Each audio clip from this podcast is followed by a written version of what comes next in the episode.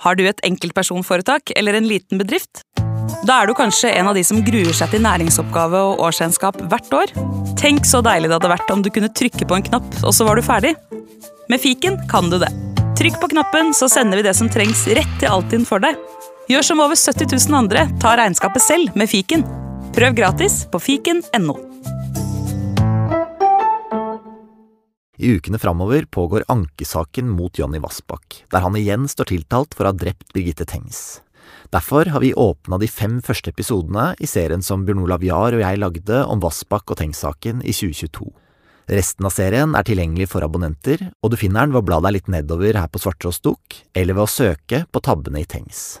Ok, her er serien. Du hører Tabbene i Tengs-saken fra Svarttrost. Dette er den første av ti episoder, og jeg heter Sindre Leganger. I 1995 ble 17 år gamle Birgitte Tengs funnet drept noen hundre meter fra huset sitt på Karmøy utenfor Haugesund. Drapet har aldri blitt oppklart, og underveis i sakens gang har det skjedd ting som har gjort den til en av de mest spesielle vi har hatt i Norge. Manipulerende avhørsmetoder, en falsk tilståelse, en fetter som først ble dømt og så frikjent etterpå, og et lokalsamfunn som aldri har fått svar. Og så, etter over 27 år med etterforskning, mener politiet nå at de har fått et gjennombrudd. Ved hjelp av ny DNA-teknologi kan et håndavtrykk på strømpebuksa til Birgitte spores tilbake til en lokal mann på Karmøy. Og nå er tiltalen mot mannen kommet også. Ifølge påtalemyndigheten så var det den i dag 51 år gamle Jonny Vassbakk som drepte Birgitte Tengs. Grunnen til at jeg ønsket å skrive om Jonny Vassbakk eh, i Hvem drepte Birgitte Tengs, var fordi, eh, fordi, jeg var overbevist om at Birgittes fetter var uskyldig. Bjørn Olav Jahr er journalist her på Svarttrost. Han har skrevet boka Hvem drepte Birgitte Tengs, laga en TV-dokumentar om drapet, og er blant dem som kjenner saken best. Og Det var ikke det at jeg nødvendigvis var ute etter å finne en alternativ gjerningsmann, men jeg var veldig opptatt av å illustrere hva politiet ikke hadde gjort av nødvendig etterforskningsarbeid. Og når det gjaldt Jonny Vassbakk, så var det mye. Altså Han kommer tidlig inn i saken, men, men, politiet ignorerer ham gang på gang. Og det er sterkt kritikkverdig, og det skal vi jo snakke mer om i denne serien også.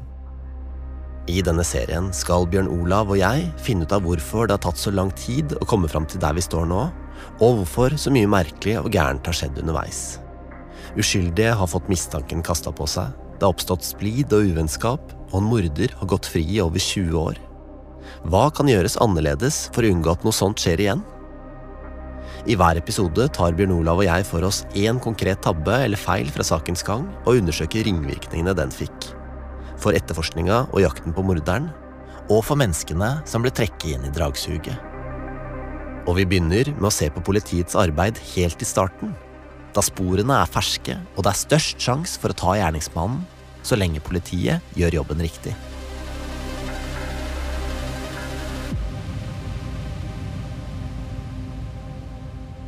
Vi kan starte klokken fire natt til lørdag 6. mai 1995 idet en rød Ford Mondeo svinger inn på Gamle Sundsvei.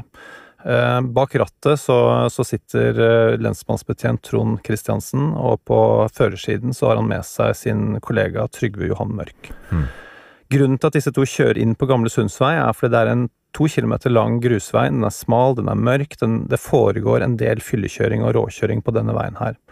Og disse to gutta de er i ferd med å avslutte patruljen sin. De har vært ute og kjørt siden klokka syv, eh, og, og, nå tenker de at det siste de skal gjøre, det er å sjekke Gamle Sundsvei for om det er noen uregelmessigheter som foregår der.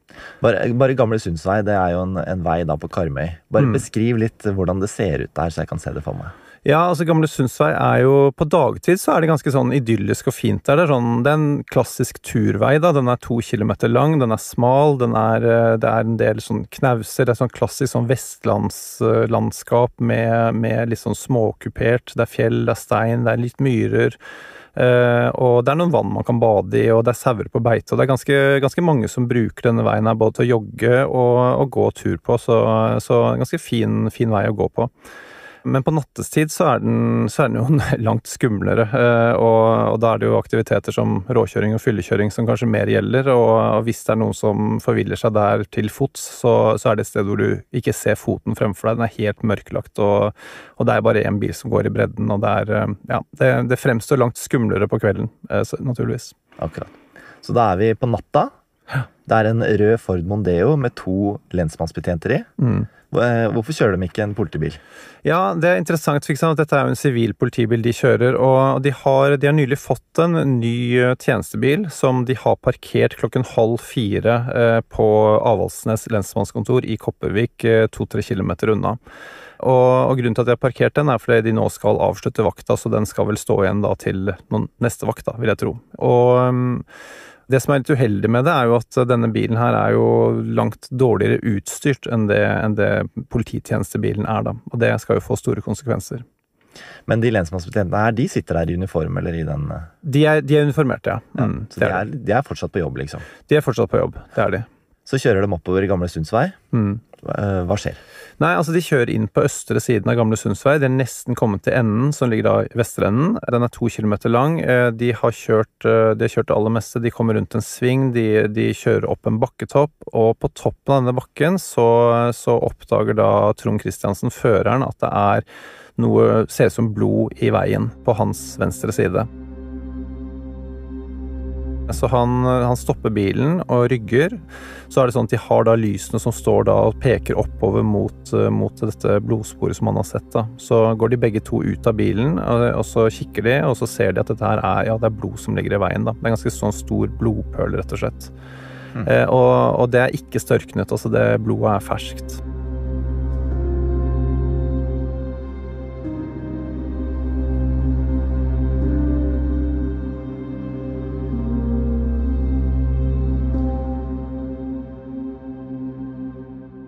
Akkurat, altså blod i grusen. En, mm. liten, en liten sånn dam av blod i grusen, rett og slett. Det er det. Eh, og da, og da ser, de, ser, de, seg litt bakover, og da ser de at det går et slepespor rundt eh, Altså i en bue fra venstre mot høyre, eh, som går noen meter lenger nedover. Og de tenker at dette her er noe de må undersøke nærmere. Så de, da, går, da, går, de inn i denne, sivile politibilen og, og, begynner å rote rundt i hanskerommet for å finne en, eh, en skikkelig lommelykt. Eh, de skriver senere i en rapport at, eh, at denne, denne, lykten er fjernet fra bilen eh, etter at de fikk den nye polititjenestebilen, eh, og, og, det er jo klart uheldig. Altså, de finner ingen skikkelig lommelykt. Det viser seg da at, at Trygve Johan Mørk han har en liten minilommelykt med seg. da. Så de bruker den og, og begynner å gå da nedover nedover veien og ser da at dette sporet går en sånn 20-25 meter, at det, at, det, at det, er en bue på det, og så at det, at det får gå videre inn en grind. Slepespor i grusen vi snakker om? Slepespor i grusen, ja. Akkurat.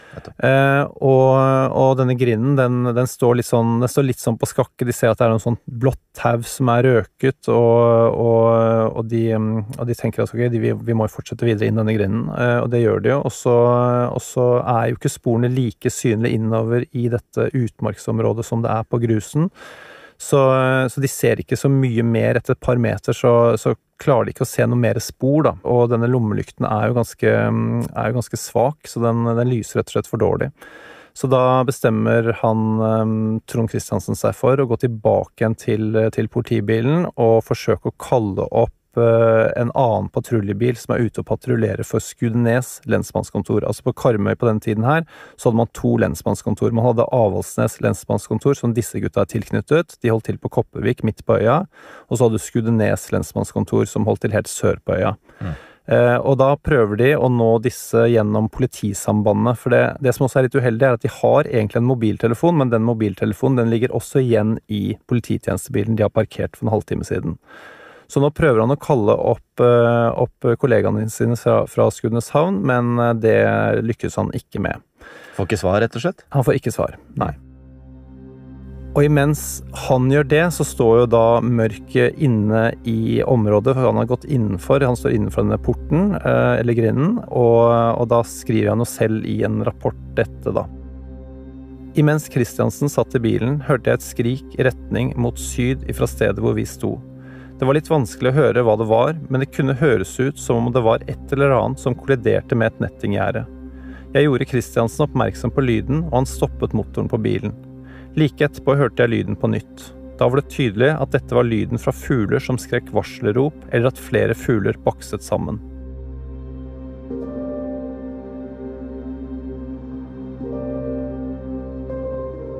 Hmm. Så da er vi altså, bare så jeg kan se det for meg, to lensmannsbetjenter på et, eh, en øde vei. Mm. De har funnet blod i veien, de har gått litt ut og forfulgt blod, og så hører de lyder like ved. Ja. Noe skjer, noe beveger seg, rett og slett. Det er det. Uh, og da blir de, de, blir veldig oppmerksomme på dette. Det er klart at Dette her er de jo ekstra oppmerksomme i og med at han ber han om å skru av motoren på bilen. Så vil de jo stå og lytte ekstra etter dette her, og, og de tar noen skritt lenger inn også i, uh, i området. Og de står og lyser, dessverre med en, et for svakt lys, uh, og de står og lytter videre, men, men, nå hører de ikke noen flere lyder, da. Mm. Så da konkluderer de seg imellom med at det høyst sannsynlig er tjuvslakta sau da, som dette blodet stammer fra. Mm. Så da, da, sier de at, at, dette er noe de kan komme tilbake og undersøke dagen etter, da, når det er dagslys. Og da gjør de noe som er veldig veldig interessant, for da går de jo ut av området, og idet de går ut av området, så tror jeg den ene av disse lensmannsbetjentene han tror jeg har noen sauer selv også, så han er opptatt av disse sauene som går på beite der, så han lukker grinden ordentlig inntil seg før de drar derfra. For den sto åpen da de kom, er det det? Den sto nok sånn halvåpen, ja. Mm. Akkurat. Men da har de to lensmannsbetjentene hatt en, rett og slett en opplevelse den natta. Hva skjer videre? fem og en halv time senere, cirka, sånn halv ti, så kommer bonden som eier hele dette utmarksområdet, der hvor sauene går på beite og greier. Han kommer kjørende med traktoren sin og kjører over denne bakketoppen. og når han har kommet et lite stykke ned denne bakken, så, så legger han merke til noe som han syns er veldig spesielt. Eh, han stopper da traktoren, går ut, og det er jo da grinden som er åpen. Grinden er åpen? Eh, grinden er åpen, ja. Så han reagerer på det, for den skal jo være lukket. Akkurat, og da hadde jo lensmannsbetjentene noen timer tidligere finne inn halvåpen og lukka den igjen. Nettopp. Så nå er jo han, han bonden han lurer på dette her, og han ser jo også altså han ser jo også blodsporene. Eh, for nå er det jo da, nå er det dagslys, nå er det jo lettere å se. Han ser da slepespor, og han ser blod, og han ser blod på toppen av bakken. Og han blir jo da urolig over dette her og går innover i terrenget. Og han går jo da noen meter lenger enn det disse lensmannsbetjentene gjorde kvelden i forveien, og, og ser jo da det han beskriver som noe hvitt. Um, som ligger bak et vierkratt, eh, og går da litt nærmere, og så ser han at det ligger en livløs kvinne der. Hmm. Og da snur han, da går han ut av terrenget, han snur traktoren, og han kjører eh, tilbake igjen for å varsle politiet. Hva, hva, hva sier han da, eller hva skjer videre? Nei, han sier da at han tror det ligger en død kvinne eh, på Gamle Sundsvei, eh, og ber da politiet om å komme så raskt som mulig. Og det gjør de også da. De er jo da Innen en halvtime så er, så er politiet på plass. da. Da kommer det to nye lensmannsbetjenter uh, på stedet. Og um, de ber da bonden om å vise dem hvor Altså peke ut dette stedet hvor, uh, hvor han har sett denne livløse kvinnen. Og de går da, de går da inn i området, og de, og de registrerer da at kvinnen som ligger der, er død. De ser også at like ved hennes høyre side så ligger da en stor stein med blod på. Akkurat. Så da, da, begynner, da går på en måte drapsalarmen da på Karmøy. Ja, det gjør den. ja. I, I, en sånn her innledende drapsetterforskning, fortell om hva som er, eh, hva er viktig for politiet å gjøre. Altså, nå har jeg lært meg liksom denne sånn S-regelen som jeg kan bare ta halvparten av, da, og det er å søke sikre samlespor. Eh, som, er, eh, som, er, klart eh, Altså, de må søke de sporene de kan finne, de må sikre dem på best mulig måte, og de må samle dem. Eh, og, sikre, hva betyr det i den sammenhengen? her? Det er liksom ganske sånn nitid arbeid med, med q-tips og, og, små plastposer og, og, få samlet eh, mest mulig materiale fra åstedet. Her må politiet passe på at åstedet ikke forurenses, rett og slett. Så intakt som mulig at uh, det har skjedd minst mulig der siden gjerningsmannen var der, på en måte. Ja, det er veldig godt uh, oppsummert. Og det er også da den uh, ene lens... Disse to lensmannsbetjentene de deler seg da. Den ene lensmannsbetjenten han kjører til østre enden av Gamle Sundsvei for å sette opp bilen sin der som, som sperring, så du får en slags ytre sperring, så ikke folk kommer nå inn på Gamle Sundsvei. Dette er jo et turområde, ikke sant. Folk er jo da ute for å gå på tur, og bare sørge for at de ikke de går inn på Gamle Sundsvei. Mm. Mens den lensmannsbetjenten som blir igjen, får sørge for en sperring lenger opp på vestre side av Gamle Sundsvei. Og så lager han en indre sperring ikke sant, som er viktig, som skal være liksom, det kjerneområdet der man spesielt skal gjøre undersøkelsene sine. Og da, da, lager han den indre sperringen fra omtrent der hvor denne blodpølen er funnet, og så noen eh, hundre meter nedenfor rundt en sving.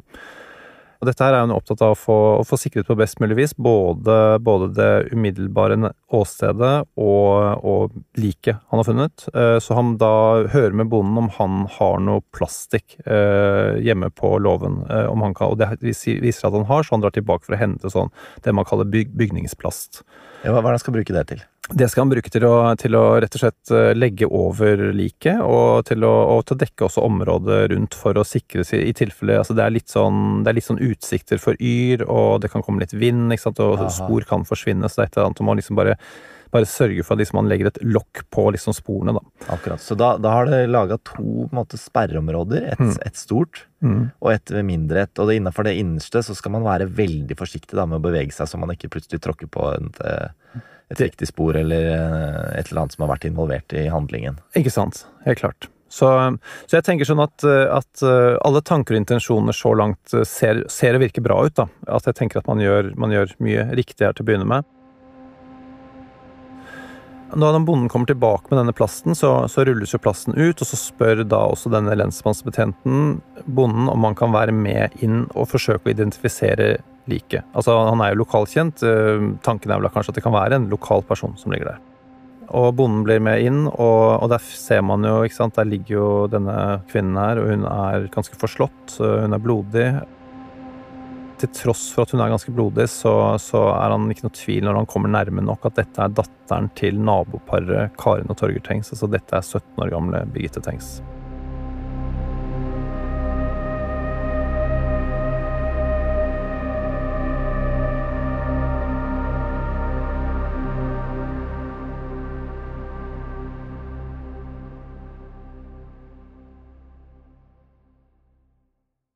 Podkasten er sponsa av Gjensidige. Når vi ser på statistikken over det som er blitt bevist forsikringssvindel, så ser vi at eh, den skiller seg litt fra den vanlige kriminalstatistikken. Det er bl.a. flere kvinner som begår forsikringsbedrageri, enn det er kvinner i kriminalstatistikken generelt. da. Eh, så det ser ut som hvem som helst er villig til å begå forsikringsbedrageri når de er i en situasjon der muligheten eller eh, behovet byr seg, da. Du hører Vera Sønstagen. Hun er utdanna politi og leder avdelinga som jobber med å etterforske og forebygge forsikringssvindel i Gjensidige. Altså, forsikring handler om fellesskap. Det er litt sånn som eh, velferdsstaten. Vi betaler inn eh, skatt, eller vi betaler inn forsikringspremie til et fellesskap, sånn at vi har en sikkerhet hvis vi skulle komme i en situasjon der vi trenger det. Eh, så det å melde inn et krav du egentlig ikke har krav på, det er å stjele fra den felles sparekassen. For Vera er det viktig å informere om at svindlere løper en stor risiko. Men viktigst av alt er det å bygge tillit mellom gjensidige og kunden tillit er et eh, helt sånn grunnleggende fundament i forsikring, og vi er avhengig av at alle kundene har tillit til at eh, vi utbetaler bare riktig erstatning. Så det å være med og bidra til å opprettholde den tilliten, det motiverer meg veldig. Og så tenker jeg jo at det er jo mange som eh, er i en utrolig vanskelig situasjon når de begår forsikringssvindel, og det å kunne hjelpe dem ut av en vanskelig situasjon med æra i behold. Da. Eh, det tenker jeg er utrolig motiverende både for meg, men også for alle utrederne som er ute og møter de her menneskene. Gjensidige har sikra liv, helse og verdier i over 200 år. Vil du bli en av oss? Sjekk ut gjensidige.no jobb.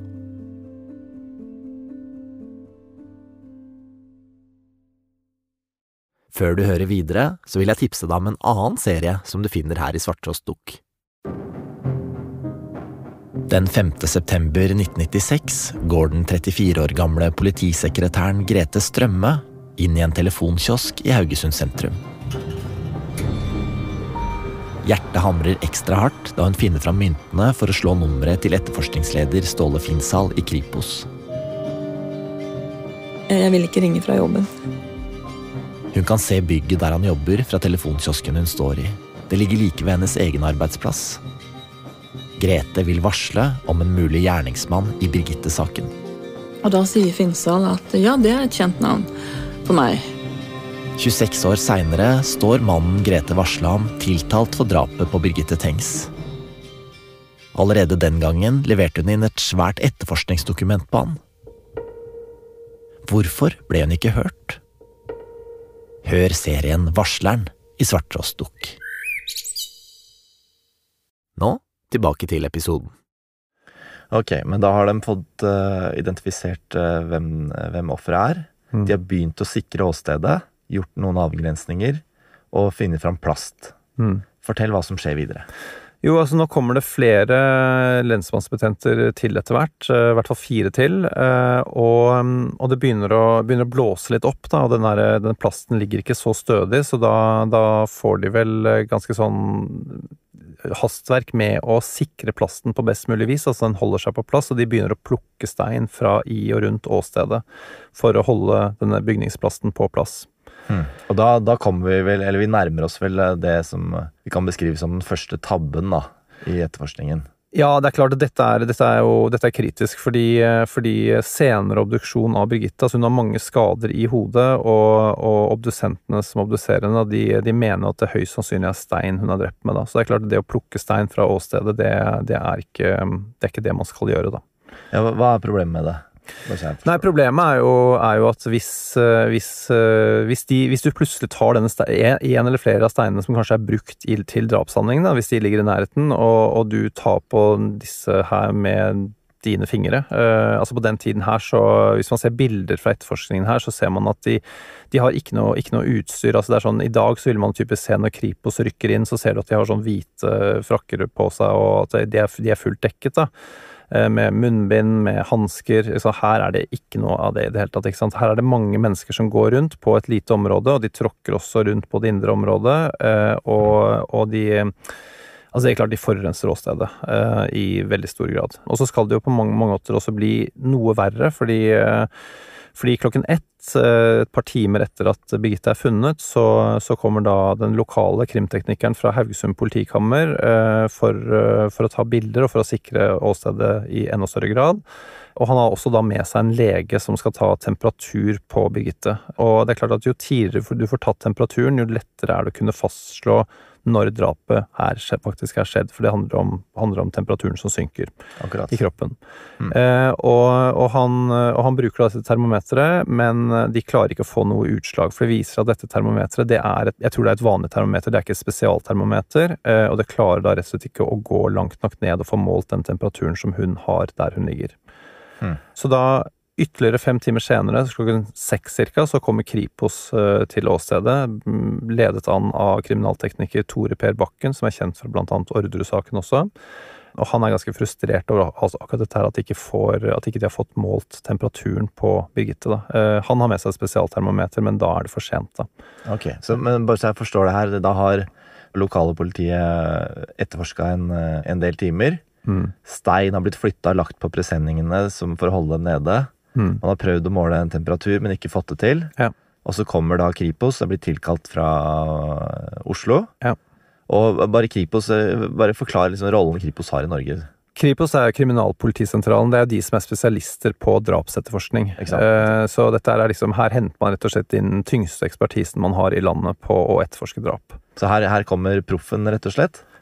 Og, og han ankommer da eh, Gamle Sundsvei. Og hvordan reagerer han på når han ser eh, arbeidet som er blitt gjort eh, innledningsvis? Nei, han, han sier jo sånn senere så sier han jo at, at det er uheldig at ikke det indre åstedet var større, da. Og han har vel også gitt uttrykk for at, at det skulle vært mindre bevegelser der inne. Det er klart at når det er mange som har beveget seg på åstedet, så, så har man jo forskuslet kanskje mulighetene for å finne fottøyavtrykk, eh, en del andre spor som kan ha virvles bort og sånne ting. Altså det forurensningsfaren er ganske stor, da. Eh, Nå skal det også sies at i 1995 så var man ikke like oppmerksom på det som man er i dag, da. Jeg har hørt politiet snakker om eh, akkurat de timene etter at eh, en forbrytelse er begått, så beskriver de det som the golden hours, eller the, Mm. the golden hour. Mm. Hvor liksom det er, det er da sporene er ferske, det er da de må ut og jobbe, det er da de må legge press, det er da de må legge inn ressursene, fordi Ja. det er da det er mulig å finne ut av noe. Og jo lengre tid det går, jo vanskeligere blir det Mm. med denne type teknisk etterforskning. Da. Det gjør det, helt klart. Altså, Tenk hvis disse politifolkene som er der på åstedet klokken fire om natten, om de hadde gått noen meter lenger inn. Eller, og ikke minst om de hadde hatt en sterkere lommelykt, så de hadde hatt større mulighet for å se hva som faktisk lå lenger inn. da. At de hadde funnet da Birgitte allerede kanskje um, tre og en halv times tid etter at hun er død. Mm. Og i tillegg så, så, må man jo også tenke på, på hva, hva ville skjedd da med Er det en person her eh, på åstedet? Og, og det er jo god grunn til å tenke seg at det er det, fordi med mindre det er noen andre som har åpnet denne grinden mellom klokken fire og klokken halv ti når bonden kommer kjørende, så er det vel eh, trolig å tenke seg at det er en gjerningsperson. Da. Hmm. Eh, og det samsvarer også igjen med at man hører da et, uh, et smell mot et nettinggjerde, og disse fuglene som flakser opp og sånne ting. for det er, man kan jo selvfølgelig sånn Jeg vil jo tenke sånn at de lensmannsbetjentene som er der på åstedet midt på natten, det er klart ikke tenker at det skal være et drap, liksom. Det er relativt utenkelig å tenke seg det. Altså, det, det foregår sjeldent drap, sjeldent utendørs. I tillegg til at det er kanskje sånn greit å liksom, man, man, ønsker ikke å tenke noe så vondt, liksom. Det er, eh, og menneskelige faktorene som spiller inn også. Klokken er fire, de er i ferd med å dra hjem, liksom. Det er Høyst sannsynlig så er det tjuvslakt, ikke sant. Mm. Men det er klart sånn, hadde de tenkt annerledes på det, så, så hadde de jo kanskje kommet på sporet av den personen som var på åstedet da klokken fire om natten.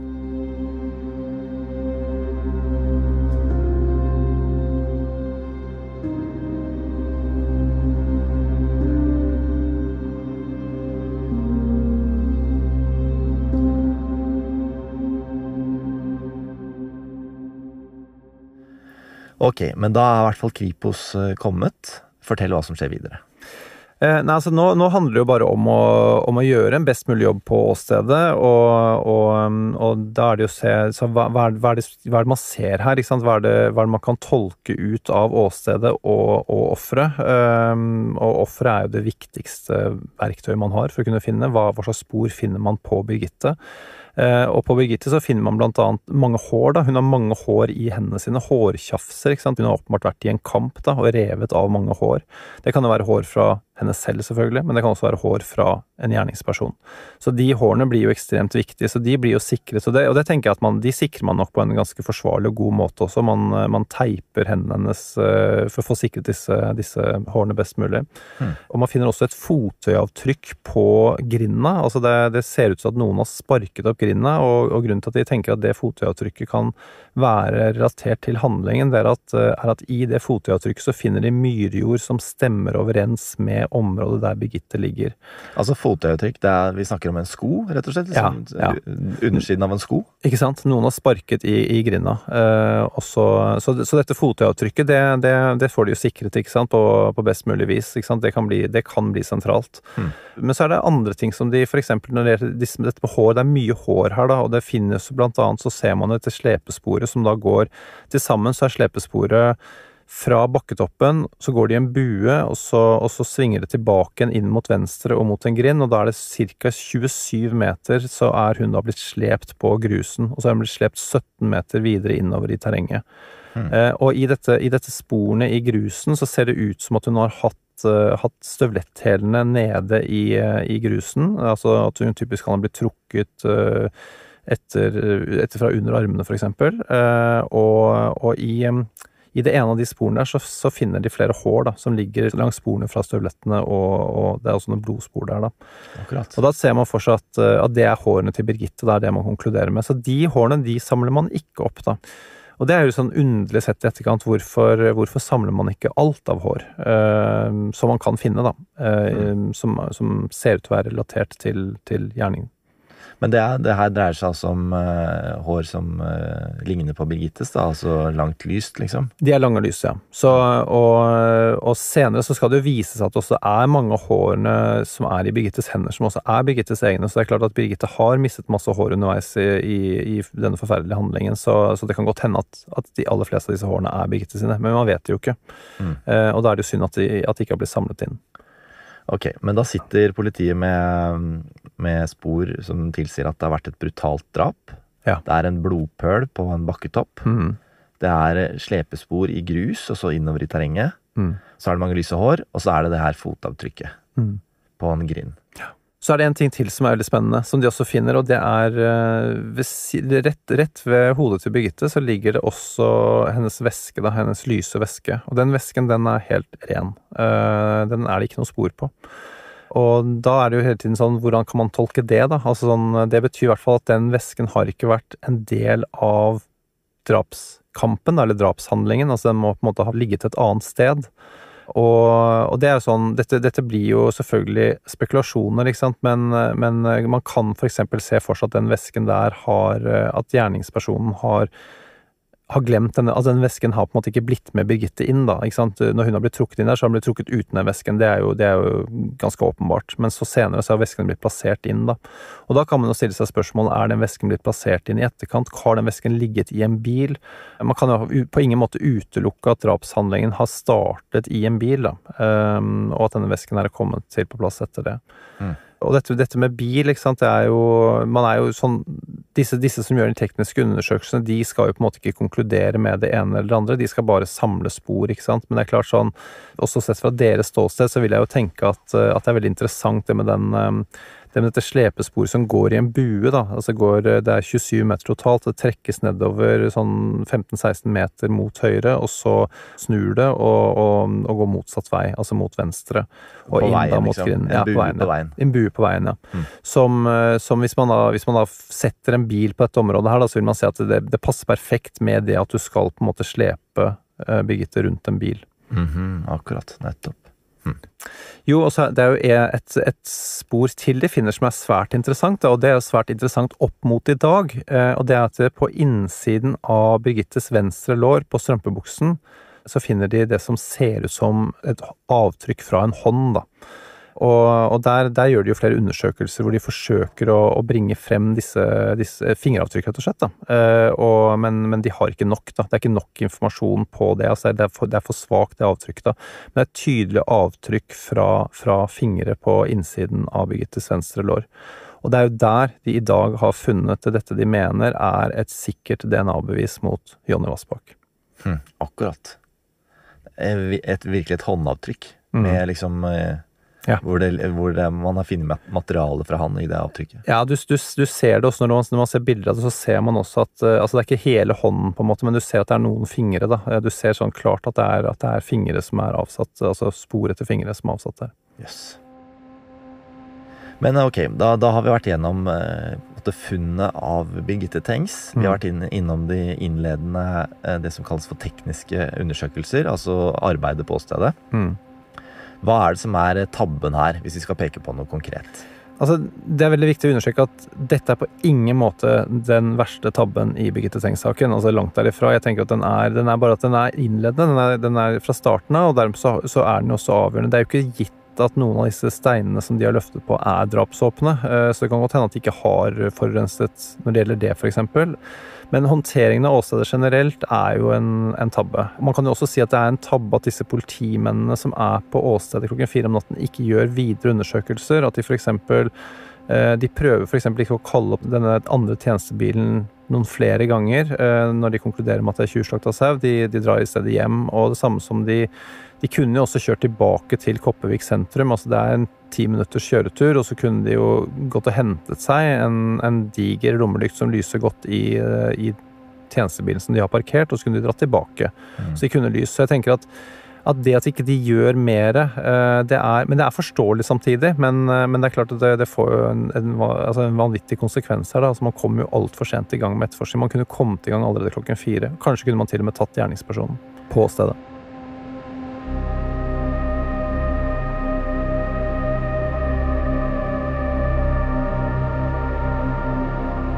Gjennom forsvareren sin har Jonny Vassbakk fått tilbud om å kommentere det som kommer fram i denne episoden. Det ønsker han ikke, og forsvareren Stian Trones Bråstein sier at Vassbakk nekter enhver befatning med drapet på Birgitte Tengs, og ser fram til å få saken belyst i rettssalen. I neste episode følger vi politiarbeidet videre. For mens etterforskerne støvsuger småbyen Kopervik for vitner, kommer det inn et tips fra en psykolog som forteller at hun tidligere har blitt angrepet og nesten drept av en ung kar på Karmøy, Jonny Vassbakk. Man skulle jo tro at de nå bare hev seg på telefonen til henne og kalte henne inn til avhør så fort som mulig, men det gjør de ikke. Mm. Og da går de glipp av eh, en svært interessant historie. Neste episode kommer om noen dager. Men hvis du vil høre hele serien med en gang, kan du trykke på abonner-knappen i Apple-spilleren, eller følge lenka i episodebeskrivelsen der du hører podkast.